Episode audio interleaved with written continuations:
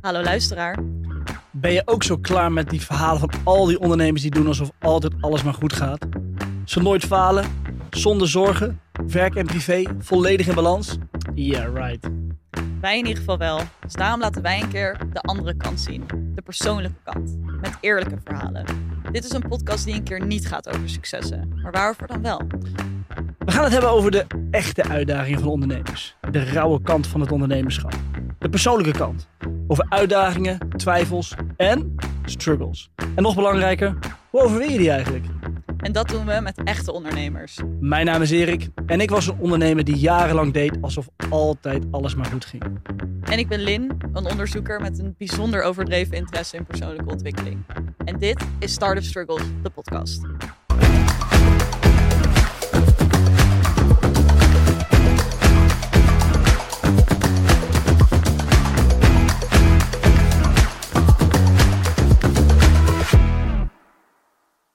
Right, Lin, zitten we dan?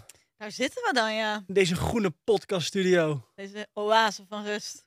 Ehm, waarom gaan we in godsnaam een podcast maken over struggles? Wat is daar nou leuk aan? Nou, het is best wel leuk om mensen te zien lijden, toch? Met een lange en een korte ei. Heerlijk. Eh, nee, ja, waarom gaan wij deze podcast doen? Nou ja, volgens mij hebben we gewoon een interessant snijvlak ontdekt van twee topics die ons allebei interesseren, namelijk ondernemerschap en persoonlijke ontwikkeling. Ondernemerschap natuurlijk met name vanuit jou, dat je dieper gaat starten. En ondernemers, ondernemerschap, persoonlijke ontwikkeling ook wel echt vanuit mij, als iets wat ik heel interessant vind en ja, graag mee bezig ben. Dus vandaar dat we het over ja, de moeilijkheden gaan hebben die ondernemers ervaren en hoe ze daar ja, overheen komen of eh, hoe ze daarmee omgaan. En hoe gaan we dat doen? Uh, dat gaan we doen door in gesprek te gaan met ondernemers. Dus we krijgen elke week een gast bij ons over de vloer. Uh, dus een ondernemer of een founder van een start-up. En dan gaan we met hun in gesprek over hun reis. Dus eigenlijk de dingen die zij meegemaakt hebben en ja, de obstakels die ze tegen zijn gekomen. Wat dat voor hun persoonlijk betekent en hoe ze daar mee omgaan. En vandaag een korte introductie in het leven van Lin. En in het leven van Erik. Wat een feest. Want waarom maak jij deze podcast? Um, nou, ik denk om de reden die je net zegt. Persoonlijke ontwikkeling is ook, nou niet altijd, maar uh, de laatste paar jaar een belangrijk thema geweest in mijn leven. Uh, en uh, sinds vorig jaar ben ik weer gaan ondernemen. Um, spannend. Sp heel spannend. Met de nodige struggles kan ik jullie alvast verklappen. Dikke spoiler. Een dikke spoiler aan het eind van deze aflevering. Daar ga ik straks alles over vertellen. Maar uh, ja, ik, ik ben uh, inmiddels het vierde bedrijf gestart. Ik, ondernemerschap zat er denk ik al vroeg in. Uh, ik weet nog wel, ik sprak mijn zusje laatst. Die zei, ja, ik weet nog wel dat toen jij een jaar of 13 of 14 was. Toen durfde jij al geld aan mij uit te lenen met 40% rente. dus dus dat, gek. dat zat er wel vroeg in. En ik weet ook nog wel dat ik in mijn studententijd al... Ik had vroeger van die, van die, uh, van die software licenties die ik dan op gebrande cd'tjes verkocht aan medestudenten voor veel te veel geld. Die gewoon ja, een kopie waren van uh, met dezelfde lijstkey uh, die, die iedereen uh, mocht gebruiken. En dan kochten mensen soms gewoon drie van die versies. Um, dus dat zat er denk ik al vroeg in. Maar begon na mijn studie met ondernemen, designbureau. Daarna twee start-ups gehad en dus sinds kort mijn vierde bedrijf. Mm -hmm. En waarom? Ja, ik heb een heleboel lessen moeten leren. eh, harde lessen, pijnlijke lessen, moeilijke lessen. Um, en ik denk dat ik het mooi had gevonden als in die tijd een keer ook een iets andere kant van ondernemerschap belicht werd. Hoe bedoel je een andere kant? Je hoort veel mooie verhalen dat ondernemerschap je vrijheid geeft. Uh, een mooie weg naar succes en rijkdom is.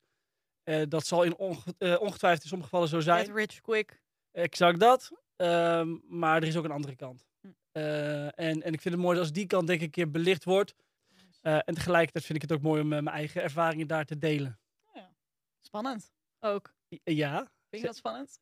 Um, ja, natuurlijk vind ik het spannend. Um, omdat je een kant van je moet laten zien die ook niet zo vrij is. Of waar je, je soms misschien wel voor schaamt. Of voor hebt geschaamd. Uh, zeker uh, als, ik, als ik terug ga naar de begintijd van mijn reis als ondernemer. Daar heb ik echt dingen gedaan waar, als ik daar nu aan terugdenk, denk ik, ja, dat, dat, dat was jij ook helemaal niet. Um, dus dat. een voorbeeld van?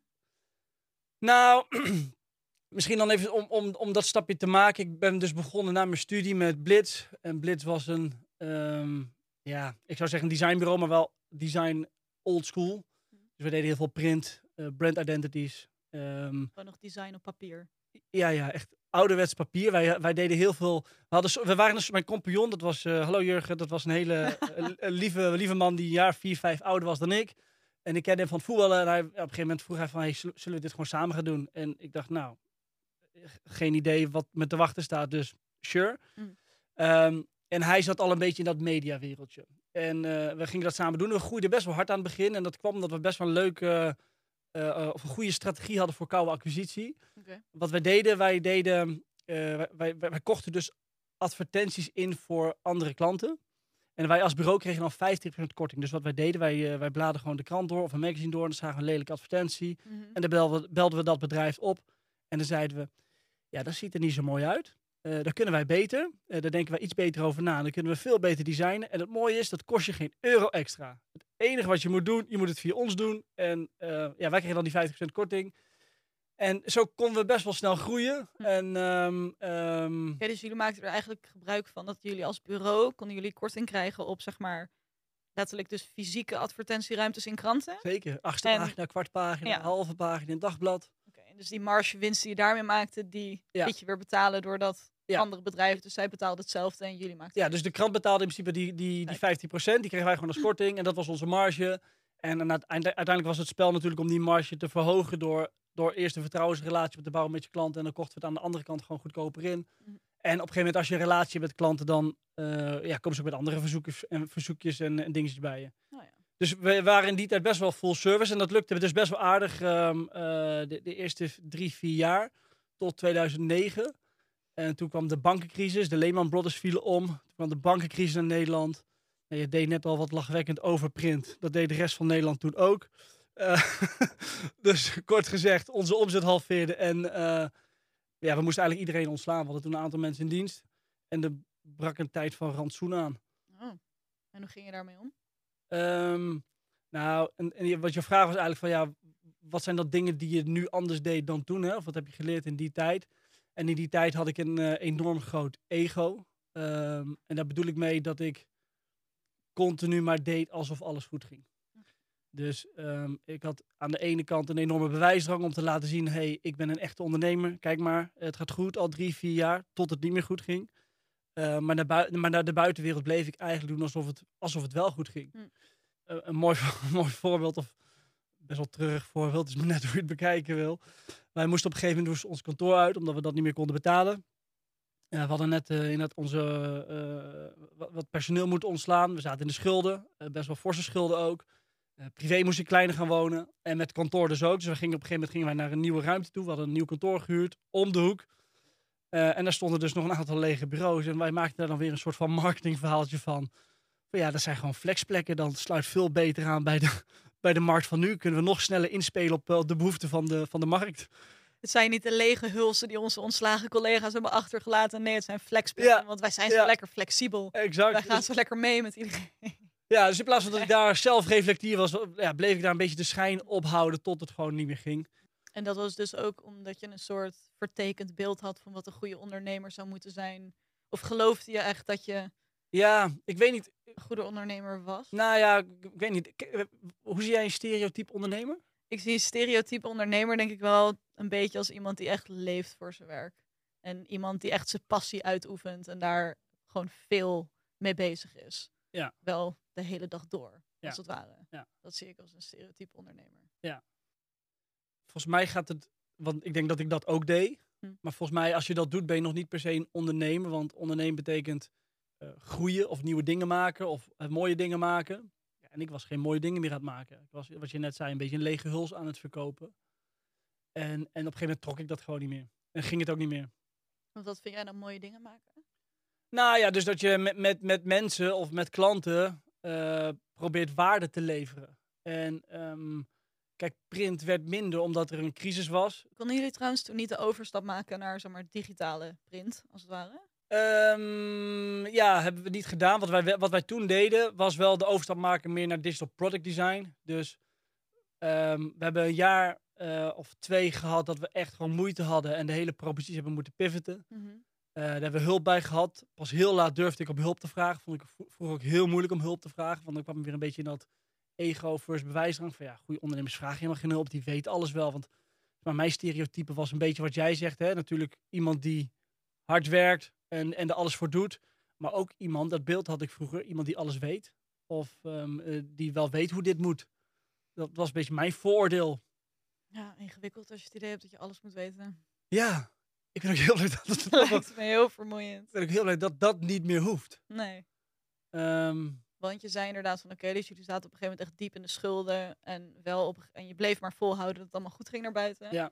Wat is toen veranderd? Zeg maar, waarom heb je op enig moment wel om hulp durven vragen? omdat ik, er was een soort van angstbeeld van, oké, als ik nu geen hulp vraag, wat een hele grote schuld bij de Belastingdienst. Nou, dat is op zich best wel een lieve schuldeiser.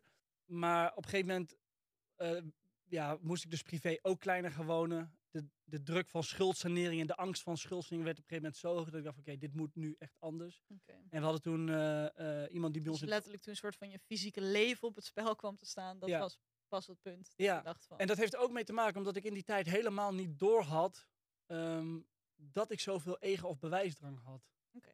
Dus, dus ik wist wel dat het niet goed ging, maar ik, kon helemaal niet, ik, ik had helemaal niet goed helder van, ja, maar jij bent hier het probleem door jouw gedrag. Hè, dus jij Je denkt, had niet door dat door die schijn op te houden je het alleen maar erger maakte. exact, Je exact. dacht dat je het wel, nou je dacht ik moet dit weten, dus ik moet dit voor mezelf op kunnen lossen. Ja, ja.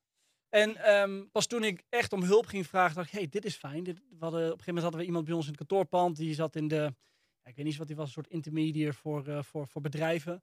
En die heeft ons toen geholpen bij eh, ja, het in kaart brengen van alle schulden, alle schuldeisers. En eigenlijk een nieuwe strategie ontwikkeld hoe we ja, kunnen pivoten naar een meer eh, sustainable propositie, die ook eh, wat meer toekomstvast is. En toen hebben we eigenlijk de stap gemaakt dat mijn compagnon zich meer gaat focussen op online marketing. Ik ben me veel meer gaan focussen op, eh, op, op product design en, en e-commerce. En toen hebben we nog vier, vijf jaar lang best wel leuke, toffe projecten gedaan. Veel meer freelance werk en, en wat kleinere projecten. En uiteindelijk weer alles, alles winstgevend kunnen krijgen. Waar ik heel blij mee ben. Maar dat is pas gelukt toen ik om hulp durfde te vragen. Toen ik aan de buitenwereld durfde te laten zien. hey, ehm, het, het lukt niet meer. Ja, durfde je het ook echt te laten zien toen? Of was het dus meer, je had echt geen andere keus meer? Dat is echt de trigger geweest. Ja. Ja, zeker. En dat ik echt pas leerde ehm, dat het oké is om, om kwetsbaar te zijn. Van de andere kant van, je, van jezelf te laten zien. Dat kwam eigenlijk pas toen ik ehm, veel meer met persoonlijke ontwikkeling aan de slag ging. En begreep, probeerde te begrijpen, hey, waar komt bepaald gedrag nou vandaan? Dus waar komt die bewijzing nou vandaan? Ja. Of waar komt die drive of, of naar ondernemerschap, waar komt die nou vandaan? Toen ben ik uiteindelijk, wilde ik weer gaan ondernemen en gaan groeien. Mijn compagnon zei, dat wil ik niet. Mhm. En toen heb ik besloten om mezelf uit te kopen en eh, bij, eh, mezelf in te kopen bij een klant van ons toen. Dat was Mr. Walski. Een online kunstplatform, super vet. En eh, wat we daar deden, we verkochten daar gelimiteerde kunstprints van gerenommeerde... eh, Toch weer print. toch, Toch weer print. ik heb ook helemaal niks geleerd. Geen afscheid willen nemen van de, van de fysieke ik vind het print. gewoon mooi om iets vast te hebben, om iets nou, ergens naar te kunnen kijken. Lekker tastbaar. Eh, toch weer print, eh, maar werkt ook niet. Joh! ja, dus dat heb ik een jaar Dus lang wat heb je geleerd van de eerste ervaring bij Blitz? Stop met print. Dat is eigenlijk de, de grootste les. Ehm, en, nou, en wat ik daar ook wel geleerd heb, hadden, daar zat een investeerder achter, daar was funding, daar was het niet mijn eigen geld. Het risico was voor mij gezien privé veel minder dan dat ik dat nu bijvoorbeeld doe met dieper, maar daar zal ik zo meteen nog wel even iets over vertellen. Ja. Ehm, maar wat we daar deden was gewoon weer een, grote, een groot platform lanceren, een grote lounge, parool erbij en, eh, en, en, en lanceren en toen, toen verkocht het niet. Fake it till you make it? Fake it till you make it weer een beetje. En eh, dus niet snel je, eh, genoeg je probleem of de behoefte in de markt valideren en testen of daar, of daar wel genoeg markt voor is. Ja. Ehm, voelt alsof er wel weer een beetje ego in de weg zat. Het allemaal heel groot en serieus Nou, maken en opblazen, media-aandacht. ja, Kijk mij dit doen. ja, en ja, misschien wel. Het tegelijkertijd was het misschien ook een soort van vlucht of ontsnappingsroute u- uit mijn vorige bedrijf. Het, wa- was, het gaf mij de kans om daar weg te gaan, leiding te geven aan een start-up en, en even los te komen van het vorige bedrijf. Ja. En dat heb ik een jaar lang gedaan tot het niet meer lukte. En de investeerder eigenlijk eh, ermee stopte. En zei van oké, ik, eh, ik, ik stop met funden. En toen stopte eigenlijk ook dat avontuur. En toen dacht ik even, oké, misschien is dat ondernemen wel eigenlijk helemaal niks voor mij. Misschien kan Mhm. ik dat helemaal niet. Ehm, ik, en toen heb ik een uitstap gemaakt naar het bedrijfsleven. En dat is ook het linkje misschien naar jou, hoe ik jou ken. Ja. toen ben ik aan de slag gaan bij een IT-bedrijf. Welk IT-bedrijf? Eh, de winnaar van de Lode Lookie 2018, 19, 20 en 21, denk ik zo. Oeh, vraag voor de luisteraars. Wie is de winnaar van de gouden... Nee, de Lode Lookie. Lode Gouden slechtste, te- slechtste radioreclame. Nee, voor mij was het 2009. Tandste radioreclame ooit. Het was in Centro. Voor degenen die het nog niet door hadden. was in Centro, daar kennen wij elkaar van. Eh, en daar ben ik eh, ja, gewoon het bedrijfsleven in gegaan. Eerst als, als, als digitaal stratege en, en UX-designer en daarna in een meer leidinggevende rol. Eh, en mocht ik leiding geven aan een team van eh, designers, developers, data-analysten. En toen leerde ik ineens een hele andere kant, ook van mezelf kennen. Van jezelf. Want daar zaten wel mensen die mij, die mij feedback gaven. En zeiden van, nou Erik, daar ben ik het toch helemaal niet mee eens. Dat moet je toch echt anders doen de volgende keer. Ja, hoe was dat? Eh, bizar. Want je ging, nou ja, oké, bij Incentro werkt altijd met jaarreviews. Dus elk jaar heb je een review en dan haal je feedback op van de mensen met wie je samenwerkt. En dan ga je het daar samen met jouw field manager over hebben. Zo'n mooi systeem. Maar eh, hoe ging dat voor jou? Ja, dus het was eigenlijk zo. Ik begon daar denk ik in 2019. En de eerste keer dat ik daar dus mijn feedback uitvroeg, dan krijg je dus gewoon een formulier terug, letterlijk. eh, eh, waar mensen gewoon. die, die- je stelt gewoon een aantal vragen en mensen geven je dan feedback van wat ze nou van je vinden. En de, de feedback die ik eigenlijk kreeg, en dat was het, het, denk ik, dus het meest bizarre nog. Ik was daar gewoon blind voor. Want de meeste feedback die ik kreeg was van: ja, maar Erik, jij luistert helemaal niet naar mij. En eh, je neemt veel te veel ruimte in als jij in een meeting zit, dan voel ik me gewoon ondergesneeuwd. En je praat door me heen. Dat was een beetje de. Herkenbaar. Ja, ja. Eh, en inmiddels ben ik me ervan bewust. En kan ik soms, soms, eh, nog niet altijd, mijn bek houden. Hm. Maar het blijft, een, het blijft een les. Maar toen was ik me daar helemaal niet bewust van. Maar hoe, hoe was dat dan om die feedback te lezen? Wat ging er toen door je heen? Het is dubbel. Het, is, het was voor mij dus de eerste keer dat ik die vorm van feedback kreeg. En ehm, eh, dat was keihard.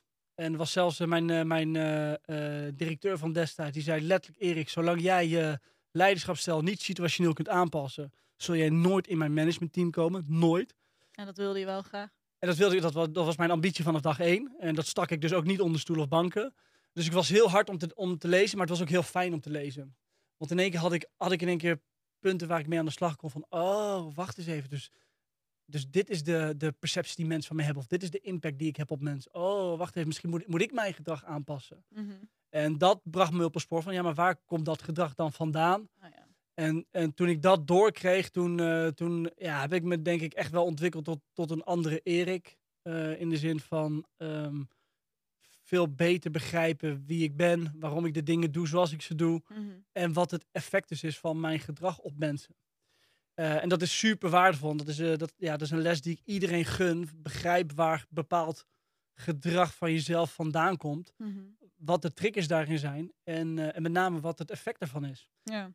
En heb je toen ook teruggereflecteerd op je tijd bij Blitz en Mr. Walski? Van hoe dat is gegaan? Je Ehm, over jezelf? Nou, wel als het gaat denk ik over mijn eigen rol. Dus het, de impact die ik heb gehad op mensen. Ehm, ik bedoel, ik heb echt mensen in dienst gehad. eh, en de, je weet wat ik zei, ik, heb, ik, heb, er zijn best wel, ik kan best wel momenten omschrijven waar ik niet trots op ben geweest. Hmm. eh, in mijn tijd als leidinggevende of als founder. eh, zeg maar, in, het, in de eerste vijf, zes, zeven jaar als ondernemer. Dat ik medewerkers had die, die letterlijk huilend op de wc zaten. omdat ze zich gewoon niet fijn en veilig voelden bij mij in het bedrijf. En daar ben ik verantwoordelijk voor. En toen was ik daar ja, gewoon nog niet klaar voor. En die lessen heb ik, heb ik door de jaren heen dus kunnen leren. En, en dat in retrospectief heb ik daar dus wel op geëvalueerd en daarvan geleerd. Mhm. Lijkt me wel een moeilijke realisatie. Ja, want je hebt mensen ehm, ehm, ja, gewoon een klote tijd gehad. eh, Mensen hebben gewoon een klote tijd gehad bij je. En dat is, dat, dat is nooit leuk. En dat, ik denk dat, dat niemand dat, eh, die, die intentie heeft. Eh, Dat was ook helemaal niet mijn intentie. Alleen ik was me er gewoon niet bewust van. Ja. En, en je, moet, je moet je bewust worden van je blinde vlekken. En, eh, en daar heb je mensen voor in je omgeving die gewoon heel direct je de waarheid kunnen zeggen. En gelukkig kwam ik in een, in een cultuur terecht waar dat, waar dat kon, waar die feedbackcultuur er was. Waar mensen die feedback zich veilig en vrij voelden om die te geven. Ehm, en en ja, daar ben ik heel blij mee. En jij, hoe ga jij om met feedback? Oeh, ja, ik denk dat wij hele tegenovergestelde ervaringen hebben gehad met voor het eerst feedback ontvangen bij Incentro.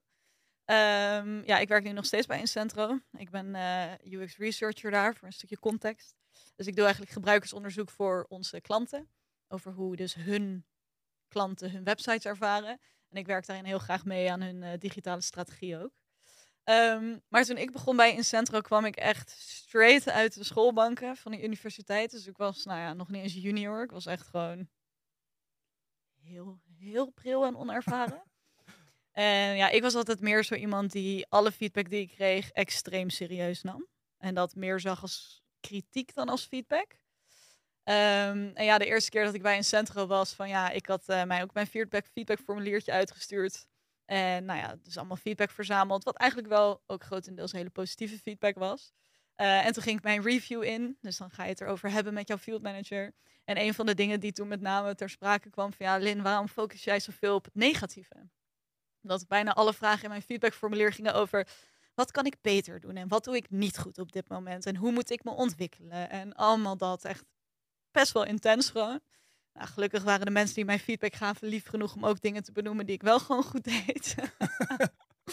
maar uh, ja, dat was voor mij wel echt een realisatiemomentje van ja, ik weet niet. Ik vatte dus feedback altijd op als van oké, okay, dit zijn allemaal dingen die ik allemaal beter moet doen. En ik ging dan altijd keihard rennen om al die dingen ook beter te gaan doen. Waarom deed je dat? Ja, ik weet niet. Gewoon onzekerheid. Ik voelde me dan niet goed genoeg. Uh, ik heb denk ik heel lang het idee gehad dat vooral ook als je bij mij kijkt naar mijn intellect, dus prestaties op school, zeg maar vroeger ook altijd, heel erg het idee gehad alsof dat hetgene was wat mij waarde gaf Mhm. eh, als persoon. Dat van ik moest hoge cijfers halen of ik moest gewoon goed zijn in dingen, want dat gaf mij waarde. Want verder had ik, ik zag ik de waarde in mezelf gewoon nog niet zo erg. Ehm, dus ja, dan ook in die zin, als je van mensen punten krijgt om te verbeteren, dacht ik ook, oh my god, ja, ik moet dit doen, want anders ben Ja, ik anders niks waard. niks voor. Anders stel ik Ja. niks voor. Ja. Kun je de feedback die je krijgt vanuit dat, dat positieve stukje, kun je die dan wel serieus nemen? Of is dat moeilijk? Nee, ja, toen kon ik dat niet. Nee, ik kon dat echt niet. Ik vond dat heel moeilijk. Ik dacht, ja, mensen zeggen dit gewoon omdat ze die hebben dat het moet. Ja. Of ze zeggen dit gewoon, zeg maar, je hebt toch zo'n feedback techniek, soort van die sandwich. Mhm, Van De happy sandwich. Ja, beginnen met iets positiefs, dan iets negatiefs zeggen en dan weer eindigen Ja. met die positiefs of zo. Dus dacht ik altijd van, ja, ze zeggen de positieve alleen omdat ze dat trucje aan het doen zijn, weet je wel. Dat, is, dus- dat menen ze helemaal niet, maar het is gewoon omdat het zo hoort. Ja. Nou ja.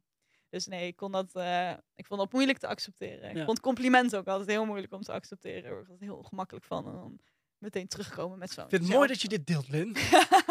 Dankjewel. Hey, maar was je in die tijd, ehm, want, want dat is natuurlijk het brugje in deze podcast. Jij bent een soort, ja, ik noem je altijd een beetje een persoonlijk ontwikkelings, eh, eh, ja, een beetje psyched gewoon, een beetje een freak. Hm. Jij bent altijd hiermee bezig. Eh, in mijn beleving, hoe ik jou heb ervaren, en we kennen elkaar nu inmiddels een paar jaar. Ehm, was dat toen ook al zo? Of is dat iets wat gaandeweg op je pad is gekomen? Nee, dat is wel meer gaandeweg op mijn pad gekomen. Ik denk dat ik daar vroeger nog niet zo mee bezig was. Toen was ik gewoon bezig met, ja, goede cijfers halen en zo. Ehm, nee, dat is wel echt later begonnen bij mij. Ook wel echt door, door dus de reviews en dingen bij een centro. Maar ook op een gegeven moment door een bepaalde training die we toen gingen volgen over effectief communiceren. Ja. Zoiets. Mhm. maar semi-off-topic-achtig eh, Soft skills. soft skill training. En toen gingen we het heel erg hebben over ja, hoe werkt je brein nou en de verschillende ervaringen die jij opdoet tijdens je jeugd. Weet je wel, die creëren filters in jouw hoofd waardoor jij de wereld ziet. En dat dit soort dingen hebben dit soort effect op jou. En dus en zo. En toen ging er echt een soort wereld voor me open. Dat was echt zo'n mindblown. Dat ik echt allemaal dingen in één keer aan elkaar relateerde. Van, oh, is dit waarom ik dit doe? Is dit waarom ik me zo voel soms? Oh, hoe dan? Ja, Vond ik echt, ja. echt heel vet. Ja. ja, en toen ben ik er boeken over gaan lezen en er meer mee bezig geweest. Van die journals bij gaan houden. En ja, daar is toen de soort eh, ja. junkie in mij ontstaan. De junkie, dat is het. junkie. Nou ja, en het, het, het is eigenlijk wat je net schetst, is van als je je bewust wordt waardoor je be- waar bepaald gedrag vandaan komt Ja. en die oogschellen vallen van je, van je ogen af. Ja, dat is zo waardevol, omdat je daarmee eh, de lens, je eigen lens gaat begrijpen naar de wereld en naar Ja. de mensen. Zo. Daar, daar stap je even diep, eh, diep erin. Nee, maar het is ook wel echt zo. Eh, ik heb dat ook wel heel erg zo ervaren. Ook bijvoorbeeld nu ja, met dat feedback dingetje. Kijk, hoe ik het nu zeg maar aanpak, wat ik daar dan veranderd heb, is inderdaad, nou ja, enerzijds wat jij ook zegt, als je het in gaat zien waarom je de dingen doet die je doet, dat is echt een soort van stap één. Ja. Maar het is nu ook een beetje van hoe ik nu naar feedback kijk. Het is super fijn om te krijgen. Altijd heel erg dankbaar voor mensen die je Ja. feedback geven, weet je wel. Maar het is altijd feedback vanuit de ervaring van iemand anders. En het feit dat iets waar is voor iemand anders, betekent niet per se dat het waar is altijd. En Ja. betekent ook niet dat het waar is voor jou. En dat is voor mij zeg maar echt een, een soort pivot geweest. Van nu altijd als ik feedback kijk, ik lees het en ik kijk ernaar. En ik denk, oké, dus dit is de impact, dit is het effect dat ik heb op mensen. Maar, en dan komt er een soort Ja. van het ingebouwde checkmomentje. Is dit ook iets waar ik wat mee wil doen? Ja. Is dit iets waar ik beter in wil worden? Is dit überhaupt iets waar ik het mee eens ben? Of is dit gewoon, nou ja, weet je wel, soms geven mensen je ook wel eens een beetje feedback vanuit hun eigen ervaring. Is dit misschien gewoon iets wat, helemaal niet over mij gaat? Ja. Dan gaat het meer over de andere persoon. Ja. Dus daar even echt een soort reality hoe haal je check. dat? Hoe, hoe filter je dat? Ehm, dat is een goede vraag. Ik denk sowieso, nou ja, als je van meerdere mensen feedback krijgt en je krijgt van meerdere mensen dezelfde dingen terug, Patronen. patronen. Patronen herkennen. Maar als je inderdaad één dingetje terugkrijgt van één iemand wat verder nergens anders in terugkomt, dan kan je na Ja. denken van, Ja. klopt dit wel, weet je wel? Dus ik denk dat dat het met name is, patronen herkennen. Ja, en kijk, wat ik heel mooi vind aan wat je zegt, dat resoneert bij mij als een malle, omdat eh, ik kreeg ooit de feedback van, ja Erik, de perceptie is dat jij altijd alles voor jezelf doet.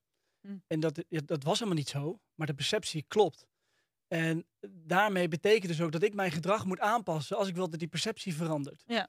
En, ehm, en ik denk zeker voor mensen die in een leidinggevende functie zitten of die founders zijn, ehm, ja, die moeten wel in staat zijn om te begrijpen van ja, het maakt niet uit wat ik bedoel, Mhm. het maakt wel uit hoe mensen het percipiëren. Ja. Om mensen mee te krijgen in een team, in een organisatie, om verandering teweeg te kunnen brengen. Ja. En eh, dat betekent één natuurlijk het herkennen van patronen, eh, maar ook herkennen van, van ja, eh, perceptie van, van je omgeving. Ja, ik vind dat je dat wel mooi zegt inderdaad van, als ik die perceptie wil veranderen, dan moet ik er wat aan doen. Ja. Maar wel, als je die perceptie wil Ja, veranderen. zeker, zeker. Want soms is die perceptie van iemand zo en dan kunnen we het met elkaar oneens zijn en dan is dat ook goed. Ja, Ehm, precies. eh, Omdat wat jij net zegt, ja, misschien gaat het helemaal niet over mij, gaat het over jou. Ja, misschien- misschien wil ik er helemaal niet goed in zijn. Ja, ja. Of misschien heb ik andere dingen te doen die belangrijker zijn. Zit het je wel eens in de weg?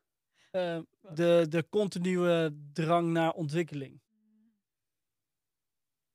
Ja, dat denk ik wel. Ik denk dat het me met name in de weg zet op de momenten dat ik bijvoorbeeld wat minder te doen heb. Eh, dus ik ben sowieso wel iemand, ik ben graag bezig met dingen. En ik probeer graag nieuwe dingen. Want ik denk ook in nieuwe dingen leer je jezelf weer beter kennen. Dus daar ga ik natuurlijk helemaal lekker op. Ehm, maar ik merk wel bij mezelf, en dat is ook iets wat ik de afgelopen tijd echt heel erg ervaren heb. Eh, want ik heb nu, nou, ik werk dus voor een consultancy, eh, maar ik heb op dit moment geen klant. Dus ik heb in die zin niet zoveel te doen Er is tijd. er is tijd. En ik merk vooral op dat soort momenten, zo'n momenten dat ik stilsta, vind ik nog steeds het lastigst. Omdat ik dan denk, holy shit, ik moet wel dingen blijven doen. En dat is deels nog soort van al dat van vroeger, van ja, ik moet dingen doen om een soort van waarde te hebben. En deels ook gewoon die drang en die prikkel die ik wil van hoe vet ik het vind om ja, me te ontwikkelen. Eh, dus op dat soort momenten zit het me wel in de weg. Dan bezorgt het me echt stress die gewoon ja, eigenlijk niet nodig is. Stress? Ja, zo van, oké, ik ben nu niks aan het doen, maar ik zou wel wat moeten doen. Dus Ja. waarom ben ik nu niks aan het doen? En dan kan je soort van niet ontspannen, want je staat alleen maar aan. Maar ik hoor daar ook een heel sterk oordeel naar jezelf toe. Welke? Van ik moet iets doen. Ja, Ja, nee, maar dat is het precies. ja. En dat, maar dat is zeg maar die onnodige stressfactor inderdaad. Ja. Je hoeft niet altijd wat te doen. Nee. En daar, Maar kijk, dan kom je wel weer op een punt. Ik denk dat, dat ehm, en dat geldt voor is het, alles waar te voor staat, is te veel. Eh, nee, die ga ik er niet, die knip ik gewoon uit. Eh, sorry. Eh, kijk, je moet in staat zijn, denk ik, als je, ehm, eh, om, om daarin te kunnen balanceren. Dus om de, aan de ene kant denk ik dat het heel goed is als mensen op zoek gaan naar, naar, ehm, naar zichzelf, zich proberen te ontwikkelen, op welke as dan ook. Of het nou jezelf leren kennen is, als het nou een betere eh, leider is, een betere ondernemer, een betere medewerker is, om jezelf te ontwikkelen, dat het altijd goed is. En er zijn er twee dingen die je dan kan doen. Je kan kijken, hey, kan ik eh, mezelf veranderen? Dus kan ik nu dingen doen in deze situatie om eh, me te ontwikkelen, om, om dingen beter te doen? Of kan, heb ik een context nodig om betere dingen te kunnen doen? Dus kan ik de context veranderen? Mhm. Ehm, omdat je ook soms een omgeving nodig hebt. Ik, ik, hoorde je, eh, ik, ik gaf het voorbeeld net van, ja, weet je, als je je niet bewust bent van je blinde vlekken, ja, dan heb je een omgeving nodig om eh, die blinde vlekken te ontdekken. ja, mensen die heel feedback geven. Ja, precies. Dus op een gegeven moment als je merkt van, hé, hey, ik ben in deze omgeving ben ik uitgeleerd. eh, of ik ontwikkel, of, ik, of de, ik kan de drijf niet echt meer vinden om het te ontwikkelen. Ja. misschien moet je dan, en ik, ik, ik wil je niet wegjagen bij een centro. Zeker niet, want dan ken ik nog veel te veel mensen. maar het kan wel zijn dat je dan je context moet veranderen. Ja. Misschien wel binnen een centro. Om uiteindelijk wel te kunnen ontwikkelen, denk ik. Want dat is Ja, uiteindelijk, ehm, ehm, ja, weet je, ontwikkeling ligt bij jezelf. Maar je hebt ook echt andere mensen nodig om je te kunnen ontwikkelen. Ja, absoluut. Zeker. Maar ik vind ook wel, en dat is echt zo. ehm, maar ik heb dus ook wel de laatste tijd juist soort van door het moment wat minder druk te hebben, is juist ook wel weer heel fijn geweest. En daar heb ik ook wel weer heel veel uitgeleerd dat het ook soms gewoon wel even oké is. Heb je wel eens last van bewijsdrang eigenlijk? Nou ja, bewijsdrang dus in de zin van, nou, denk wat, wat ik eerder zei. Van dat je dus inderdaad je waarde put uit je prestaties. Ja. Daar heb ik nog steeds wel eens last van, maar wordt wel steeds minder. Ja, Maar het is een leerweg. het is een leerweg. Het is een leerweg. Inderdaad. Ehm, nou Maar- ja, kijk. ja. Ja, sorry. ja, stel je vraag. Ik stel een vraag. Ik was wel gewoon wel benieuwd, eh, want je hebt inderdaad nu wat dingen genoemd die je hiervoor dus hebt meegemaakt. Bij Blitz, bij Mr. Walski, daar heb je dingen geleerd. Bij Incentro heb je dingen geleerd. Dus ja, hoe ga je dit nou anders doen? Bij Dieper. Ja, dus dan ook weer misschien een klein beetje context voor de mensen die luisteren en die ons nog niet kennen en die niet weten wat dieper is. Ik ben vorig Geen jaar dieper. dus had het wel kunnen zijn. Ik, nee, ik kan nu hele foute grappen maken, maar ik weet dat er mensen luisteren die dat helemaal niet waarderen. Denk ik, mam. Ehm, Nee, ik ben vorig jaar ben ik eh, dus na vijf jaar bij een centrum gezeten, of bijna vijf jaar bij een centrum gezeten, heb, heb ik besloten om weer te gaan ondernemen. En er waren een aantal dingen die ik daar echt anders wilde doen. Eén daarvan was, ik wil niet meer alleen ondernemen. Ik, ik heb, als ik het heb over context, ik heb mensen in mijn omgeving nodig ehm, die me kunnen motiveren, die me kunnen uitdagen, waar ik mee kan samenwerken. Ik werk graag met mensen samen. Eh, dus ik had besloten, oké, ik, ik wil gaan ondernemen, maar dat wil ik samen gaan doen. Toen kwam er een kans op mijn pad om een joint venture op te richten samen met een, ehm, een oud collega-ondernemer die ik al wat langer ken. En die me al een aantal jaren probeerde te verleiden om bij zijn bureau te komen werken. Eh, maar dat wilde ik eigenlijk niet, want ik vond het bureau te klein. Het was een bureau van ongeveer 20 mensen. Mhm. Eh, maar nu gingen ze mergen met een wat groter bureau in Amsterdam. eh, richting de 70, 80 FTE. Toen dacht ik, oké, nou, nu vind ik het interessant worden. Maar ik kom niet bij jullie in dienst. Ik ga weer ondernemen. Laten we samen een joint venture gaan oprichten. Dieper. Mhm. Wat is Dieper? Dieper is een growth design agency gericht op scale-ups, startups en scale-ups. Waar we startups en scale-ups helpen met data-driven design. Dus eh, nou, jij bent onderzoeker, kwalitatief onderzoek. Er is ook nog een hele andere kant, kwantitatief onderzoek. Nou, ik zie een soort van heilige graal die twee combinaties om op basis van die datastromen eh, betere digitale producten te maken. En dat is iets wat we bij Incentro al een aantal keer bewezen hadden. Dacht ik, oké, vet, ik ga dat doen voor een, eh, voor een andere doelgroep. Ja, tof. Heel tof. Van de zomer mee begonnen. Ehm, of van de zomer mijn baan opgezegd. In 1 oktober mee begonnen. En over struggles gesproken. Na twee weken, letterlijk na twee weken, eh, klapte die merge tussen die twee bureaus. En stond daarmee ook mijn hele joint venture op losse schroeven. Ik, ik hoop, ik wou dat we een soort knop hadden nu, dat we zo'n muziekje van zo'n ah of zo'n maar Die Nee. kunnen we eronder monteren. ah. Ja, dus dat was, dat, was, dat was heel kut. En kijk, ik, we, we hadden net al over, over zijn er dingen die je van tevoren ehm, al had bedacht om, om beter te doen ten opzichte van zeg maar, de, de, de tijd voor eh, zeg maar, eh, pre-incentro en post-incentro. Ehm, dus ik had al een aantal mensen om me heen verzameld eh, die ik in mijn netwerk had om, om te helpen bij dit soort situaties. Dus het eerste wat ik gedaan heb was mijn mentor opbellen eh, en gevraagd van hey, dit, dit is wat er gebeurt. Eh, hoe, hoe kijk jij hiernaar en, eh, en wat moet ik doen? Je had dus al een soort mentor al ingeschakeld. Ja, en- dat was eigenlijk al iets wat je dus al veranderd had. Dat het verandert en ik, doe- Meteen een hulpnetwerk ingebouwd Ja. voordat je begon, zodat je makkelijk om hulp kon vragen als Ja. het nodig was. En, en de tweede stap was dus ook daadwerkelijk gelijk om hulp vragen van hey, ik vind het kut. Eh, ik vind het moeilijk. hoe, hoe kijk jij hiernaar? Uiteindelijk moet je zelf het besluit nemen. Maar het is super fijn als je mensen of ervaren ondernemers die dit al vaker gedaan hebben. hij is eigenaar van een designbureau van bijna 50 FTE. Eh, heeft dit allemaal al meegemaakt. eh, en hij, liet gewoon, hij, hij laat de keuze bij mij, maar hij gaf wel zijn visie en zijn ideeën. En eh, Winston Churchill zei al, oh, never waste a good crisis. Nou ja, dus die crisis heb ik proberen te benutten. Mhm. En kreeg ik de kans om in te kopen bij, ehm, bij, bij dat kleine bureau. Dus een, Maar was dat niet moeilijk? Ik kan me ook voorstellen, het is best wel een grote tegenslag gelijk aan het begin. Dus heb je ook overwogen ermee te stoppen toen? Eh, stoppen niet, nee. Het mooie van deze kans was dat... eh, dat is altijd een droom van mij geweest. Dus ik heb altijd een agency gewild van rond de 20 man. Vind ik een hele fijne eh, omgeving. Weet je, heb je een team wat overzichtelijk is, waar ik iedereen nog ken. Ehm, waar je veel mee kunt samenwerken, waar je goed mee kunt samenwerken. Maar tegelijkertijd mensen niet afhankelijk zijn van jou. Dus het was voor mij ook wel een hele mooie kans. En qua cultuur matchte ik hartstikke goed. Hartstikke leuk bureau. Ehm, dus ik besloot van, nou, laat ik, laat ik, laten we dat eens onderzoeken. En hoe het dan gaat, dan, ga, dan komt accountant erbij, dan ga je due diligence onderzoek doen. eh, dan ga je onderhandelen over de waarde van een bedrijf. Eh, dus dat heb ik gedaan. En eh, wel met een aantal voorwaarden van, hey, ik wil het dieper blijven doen, want dat is wat ik tof vind. Ja. En we tegelijkertijd andere proposities zouden ontwikkelen met een niche focus voor specifieke competenties die zij al in huis hadden. Zoals eigenlijk een soort tegenslag, maar misschien tegelijkertijd wel Een kans. kans. Ja, super, ja, super vette kans. Dus ik was er ook heel blij mee. We hebben na een week of twee, drie onderhandeld over de waardering van de onderneming. Eh, wat ik zei, accountants erbij, eh, boeken erbij, cijfers bekeken en geanalyseerd. En we werden het eens. En het zou heel mooi zijn als we nu een geluid hadden van... Yay! eh, ja. Eh, maar dan zijn we er nog niet. Want eh, dat, we we praten nu maar, een aantal weken later. eh, en eh, aangekondigd bij het team. Team leren kennen. mensen gesproken. Managementoverleg gehad. eh, strategie bepaald voor 2024.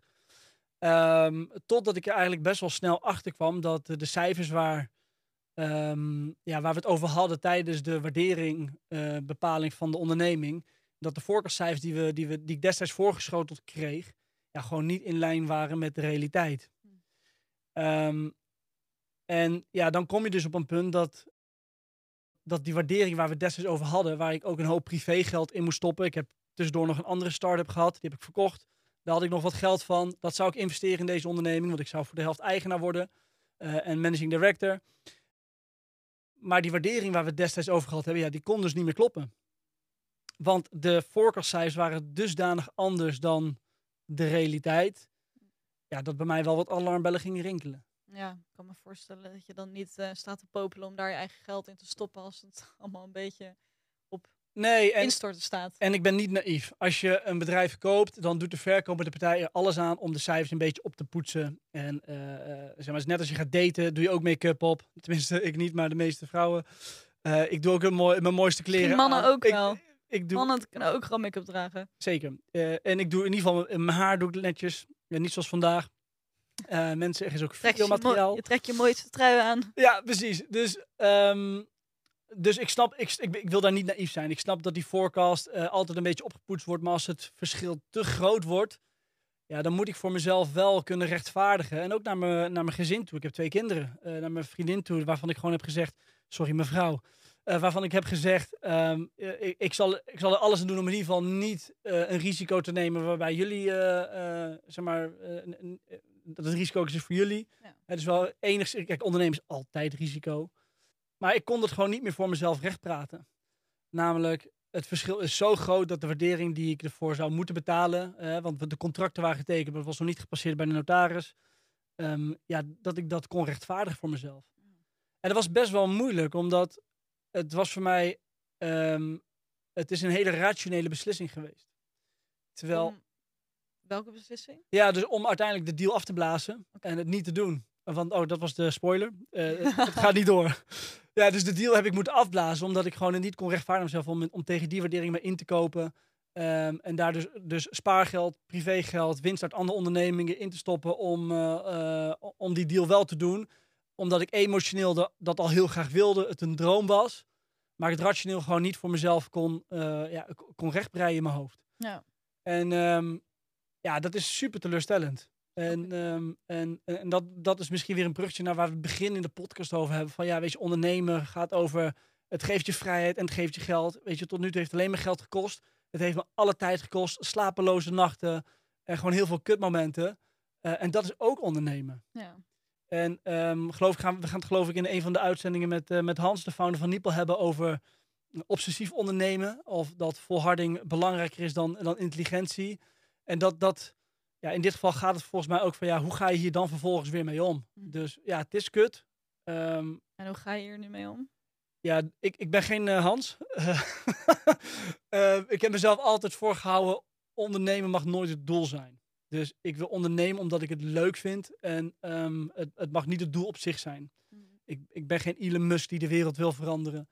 Eh, ik wil gewoon een fijn, leuk leven hebben en er alles uithalen wat erin zit. En dat wil ik doen met leuke mensen in een omgeving waar ik me fijn voel. Dus hoe dat er Maar nu... werk jij om te leven of leef jij om te werken? Ehm, allebei niet. Ik werk niet om te leven. ehm, maar werk is wel een heel belangrijk onderdeel van mijn leven. En ja, we hadden het net een beetje over ehm, in hoeverre je soms je identificeert met, met dingen. Nou, ik kan me best wel. Ik wil best wel toegeven dat ik me af en toe best wel identificeer met mijn werk. Hm. Dat ik, dat ik soms mijn werk ben, of mijn onderneming of bedrijf ben. Eh, dus in die zin is het heel moeilijk om dat los te laten.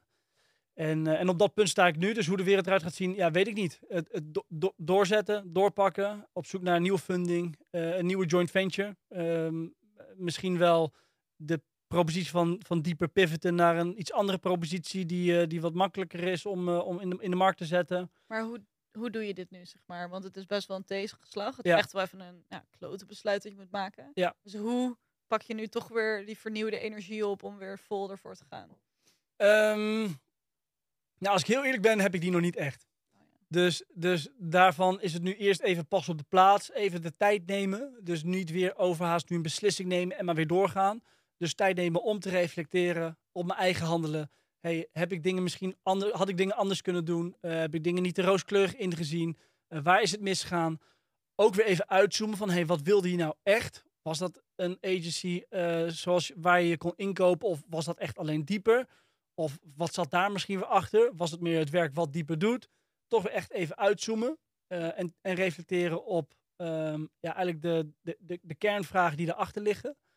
In die fase zit ik nu. En, en ben ik gewoon een aantal opties en scenario's aan het, aan het overwegen. En, eh, en, en straks als ik bij mezelf merk van oké, die energie die zit er weer. En dat, dat gaat heel snel bij mij meestal. Dat, is een kwestie van dagen.